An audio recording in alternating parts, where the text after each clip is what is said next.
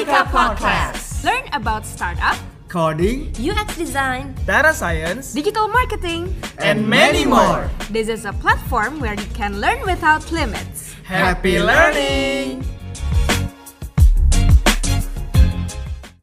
Hai generasi pintar digital, welcome to Purwadika Podcast. Hari ini aku akan ngobrol-ngobrol sama bintang tamu. Eh, bintang tamu kita yaitu adalah Pangeran Siahaan. Yaitu Halo. founder dari Asumsi and Yes. Box to Box ya, Pang. Yes. Oke.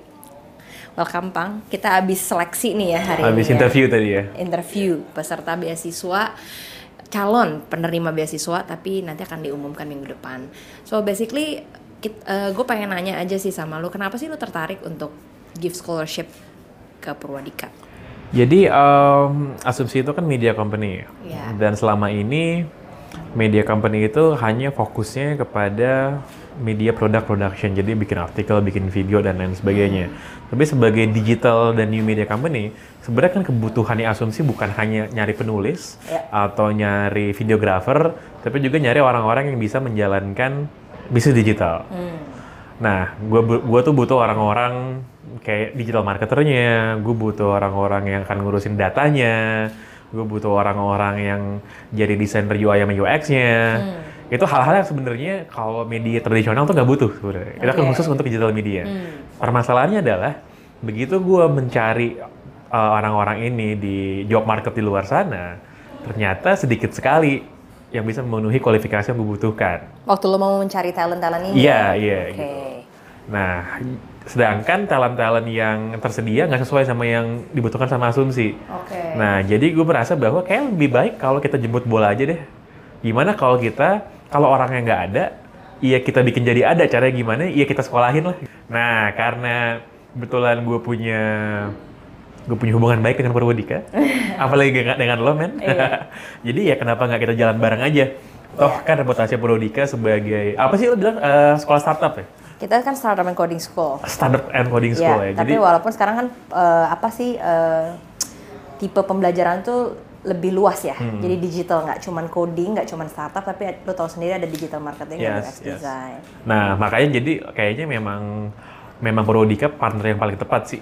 Oh, asik. Untuk bareng-bareng ya kita nyari gitu dari awal. Kalau nggak ada ya kita bikin jadi ada gitu Nah, orang-orang. makanya apakah eh, sebenarnya ini adalah project lo terselubung dalam mencari talent untuk asumsi? Iya, gue rasa agak cukup agak cukup kelihatan ya bahwa memang itu salah satu tujuannya. Iya. Salah, salah satu tujuannya iya. Eh, di sisi lain juga kalau kami tuh merasa bahwa memang demand yang tinggi ini tidak dipenuhi oleh supply yang cukup sih. Dan gue merasa bukan cuma asumsi doang sih yang merasakan kebutuhan itu ya. Gue yakin hal paling susah sekarang apa sih kalau ditanya tantangannya dalam digital business Indonesia? Ya selain urusan selain urusan regulasi ya satu, satu lagi ada- adalah urusan human resource-nya. Gitu. Akan ada selalu gini orang banyak yang butuh pekerjaan. Lowongan pekerjaan banyak juga ada.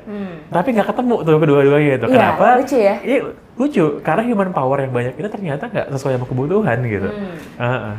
Dan dari lo mendirikan asumsi ini maksudnya sebagai media company dan juga maksudnya bukan media konvensional karena lo udah me- apa ya udah memanfaatkan lah teknologi digital ya dan lo pasti banyak ketemu. Memang bener-bener kenyataannya di marketplace itu langka ya cari talent yang qualified di bidang ini gitu. Langka langka. Jadi untuk untuk talent yang uh, secara tradisional adalah kebutuhannya media uh, writer uh, videographer uh, editor itu aja udah susah nyarinya.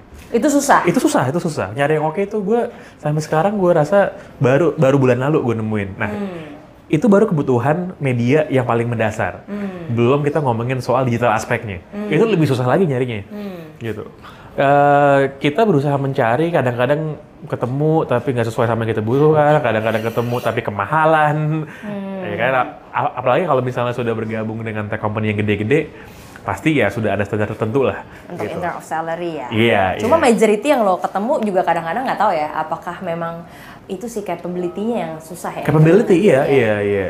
Sometimes Capability. kalau gajinya agak tinggi tapi kita yakin bisa sebenarnya iya juga. bring back, kita sebenarnya pasti perjuangin. sebenarnya- sih kita perjuangin juga. Ya kadang-kadang malah ada yang eh, gaji bombastis ternyata skillnya segitu aja gitu kan. Gitu ya? Ada, ada, ada juga tuh. Oke, oke. Gitu. Nah, eh, jadi kalau gue itu kan nge-value orang based on apa yang mereka miliki sekarang, kemampuannya sama potential value-nya mereka dalam jangka waktu let's say 6 sampai 12 bulan atau bahkan lebih lama lagi. Ada mungkin orang-orang yang punya kemampuan tapi kurang terasa. Ada orang-orang yang punya kemampuan, udah ada sedikit pengalaman, tapi agak nggak ada arahnya nih ke mana nih, karena mereka nggak punya guidance. Nah orang-orang itu sih yang sebenarnya kayaknya pengen kita cari dari dari program scholarship yang Purwodika ini. Nah, yang menarik ini mungkin buat teman-teman yang dengar nih, eh, kita kan udah pilih dari nilai terbaik ya, Pang ya. Nilai terbaik dari ujian saringan dan tadi kita udah interview. Mungkin dari lu sendiri nih sebagai founder, sebagai entrepreneur, apa sih yang lo cari untuk talent gitu? Selain skill mereka, apa yang lo tuh lihat gitu loh? Mungkin bisa juga tips buat teman-teman yang lagi mencari pekerjaan. Tapi lo sendiri deh, lu tuh paling penting apa karakternya kah atau visi dia ke depan kah? Nah, kalau gue itu adalah orang yang orang yang cenderung result oriented. Oke. Oke, jadi gue pengen gue selalu pengen lihat ini ujungnya apa nih? Barang jadinya kayak gimana? Bagus nggak barangnya? Gue bukan berarti bilang prosesnya nggak penting, tapi buat gue final assessment tuh ada di final product. Apa nih? Nah, jadi biasanya yang gue lihat tuh kalau dari orang adalah satu, gue pengen lihat visinya dia tuh kayak gimana.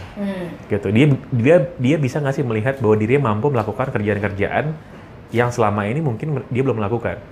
Gue gue selalu suka na- nanya ke orang adalah apa satu hal di dunia ini yang lo rasa harus ada tapi belum ada dan kayak cuma lo doang yang bisa bikin itu gitu buat gue itu itu cukup cukup memproyeksikan visi orang tuh gimana sih dalam melihat karena gini karena untuk nyari sekedar pekerja yang pekerja yang bagus itu menurut gue eh, waktu pu- punya peranan penting dalam membentuk dalam membentuk kemampuannya. Jadi ada orang-orang memang kalau udah dikasih sekian waktu ya akan bagus juga gitu gitu. Nah, cuman untuk bisa ke next level itu bukan hanya sekedar skill aja, tapi juga visi tadi sih. Dah, visi itu berhubungan sama drive, sama personal drive lo. Kira-kira apa sih yang mau lo achieve? Apakah sekedar hanya just getting the jobs done, atau getting the jobs done and doing something else yang nggak ada yang belum lihat sekarang gitu gue gue tuh suka banget di surprise sama orang gitu jadi kalau ada orang itu present ideas ke gue dan gue merasa bahwa gila nih ideas gue belum belum pernah denger gitu definitely gue akan hiring tuh orang di tempat sih langsung Serius loh? Serius, Jadi serius. lu tuh justru mencari ide gitu ya? gue mencari ide iya iya Oke. gitu gitu karena orang yang kayak gue bilang uh, orang yang punya kemampuan kemampuan skills kerja yang oke menurut gue ada orang yang nggak oke. Setelah setahun mungkin akan jadi oke dengan sendiri ya karena dia sudah terbiasa. Tapi menurut gue salah satu kemampuan yang langka adalah untuk bisa memproyeksikan hal-hal yang cenderung apa ya cenderung abstrak inilah dalam ben- jadi gimana caranya naruh gagasan ke dalam bentuk produk. Gitu sih. Jadi itu yang lo cari dari visi? itu yang selalu gue cari. Itu saya yang selalu gue cari di bidang apa pun ya. Hmm. entah dia penulis biasa pun entah dia itu desainer entah dia data scientist gitu Dan menurut lo dari tadi hasil kita interview calon-calon penerima beasiswa ini ada kandidat-kandidat ada be- ada beberapa yang cukup membuat gue kayak di orang keren banget sih gitu dan lo udah booking ya? Udah Kalau sampai dia keterima di beasiswa udah ini? gue booking masuk asumsi habis itu Oke oke oke oke. Terus mungkin mungkin pertanyaan sedikit aja nih Pang. Mungkin bagi teman-teman juga yang belum terpikir gitu kan. Mungkin ada nggak sih konsep di luar sana bukan di Indonesia media yang sudah menggabungkan dengan you know platform teknologi bukan itu online media ya, tapi ada nggak di luar yang menurut lo keren banget nih? So, so- sebenarnya hampir semua media giants di luar yang gede-gede sebut aja dari mulai New York Times, Washington Post, apalagi udah dibeli sama Amazon kan. Uh, jadi salah satu mandat pertama Jeff Bezos tuh pas beli Washington Post adalah lo bangun teknologi platformnya gitu. Uh, terus ada The, ada The Guardian kalau di UK itu masing-masing ada yang berbeda-beda lah. Ada yang inovasinya dalam bentuk subscription, jadi berlangganan. Ada yang juga inovasinya bikin platform sendiri, teknologi kayak monitoring tool sendiri atau analytical tool sendiri yang mereka pakai untuk internal tapi juga bisa mereka jual ke pihak lain. Gitu. Ini sebenarnya memang bukan buat konsumsi publik sih, jadi banyak mungkin orang yang nggak tahu. Tapi company-company kayak Washington Post sama New York Times itu jualan software. Mereka tuh jualan software, jual software untuk media lain. Gitu. Jadi gue sebagai media company owner, gue merasa bahwa bisnis media itu akan terus thriving. Orang bilang kok media lagi suram nggak, nggak akan terus thriving sam- sampai kapan pun. Tapi yang akan bikin thriving itu bukan cuma sekedar kontennya doang, bukan Betul, sekedar betul. media Tapi pendidikan juga. inovasi menggunakan Tapi inovasi berbasis teknologi. Iya. Eh, kita hidup di eh, age of information kan Hmm. sekarang. Jadi agak agak lucu kalau ada orang bilang sekarang media sebagai penyalut informasi uh, malah megap-megap. Yang ada adalah media yang nggak punya kemampuan dan keinginan untuk berevolusi yang megap-megap. Iya. Iya, iya, iya. Gitu. Setuju Ah, ah. sih gue. Mm-mm. Jadi istilahnya bukan media, maksudnya bisnis media itu yang dying, tapi bisnis media yang tidak mau beradaptasi dengan berevolusi yang kata iya, tadi. Iya, ya. betul, betul. Kan ya sebenarnya dalam bisnis apa pun sekarang sekarang nyebutin bisnis bis, eh, dalam, dalam bisnis commerce misalnya atau transport semua kan berevolusi semua gitu. Iya, iya, Nah, media ini perbedaannya adalah memang kalau orang media ya di mana pun itu punya posisi moral yang mereka anggap lebih tinggi. Yang kami anggap, gue sebagai bagian dari situ juga ya, kami anggap tuh lebih tinggi daripada orang lain. Karena sebagai penjaga kebenaran lah, sebagai pengawal demokrasi lah gitu. Nah, sehingga merasa bahwa apa yang kita percayai, apa yang kita lakukan, itu memang udah menjadi nilai-nilai kita. Lo nggak bisa gugat itu. Nah, pada pada saat itu berbenturan dengan kepentingan bisnis, ya akan berbentrok kan. Sudah banyaklah media terlalu pongah, terlalu arogan, terlalu self-righteous, menolak untuk berevolusi dan mati gitu. Gue malah sebut nama-nama itu udah banyak lah. Banyak di luar dan juga di Indonesia Mati. mati, banyak yang mati, banyak yang tutup, banyak yang ternyata udah harus menerima nasib nggak jadi market leader lagi, padahal dulu pas zaman cetak bisa sekian juta yang baca, gitu tuh banyak banget, banyak banget. Nah, kehadiran new media new media baru inilah sebenarnya yang yang melecut mereka untuk bisa bangkit dan keep up. Kalau gue sih merasa ya, lo kalau lo media grup besar, lo punya capital gede, untuk bisa shifting itu kan gampang banget, gitu lo punya soalnya.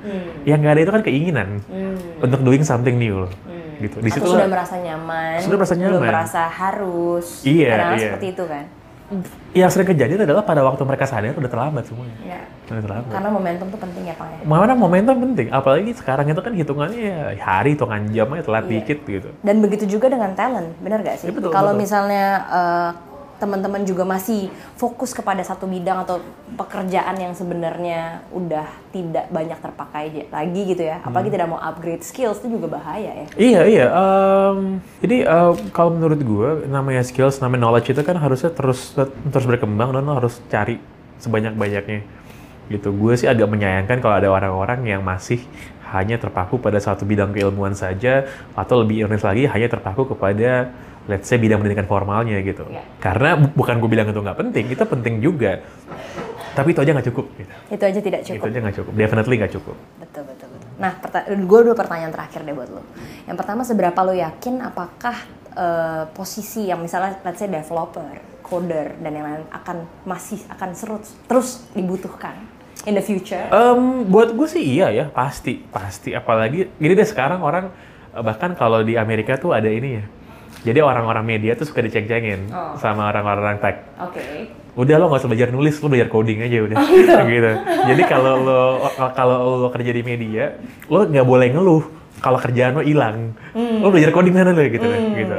Eh, buat gue tuh akan terus ada, tuh akan jadi basic skill malah ya. Sekarang bahkan udah diajarin di SD atau udah belum mulai diajarin gitu ya.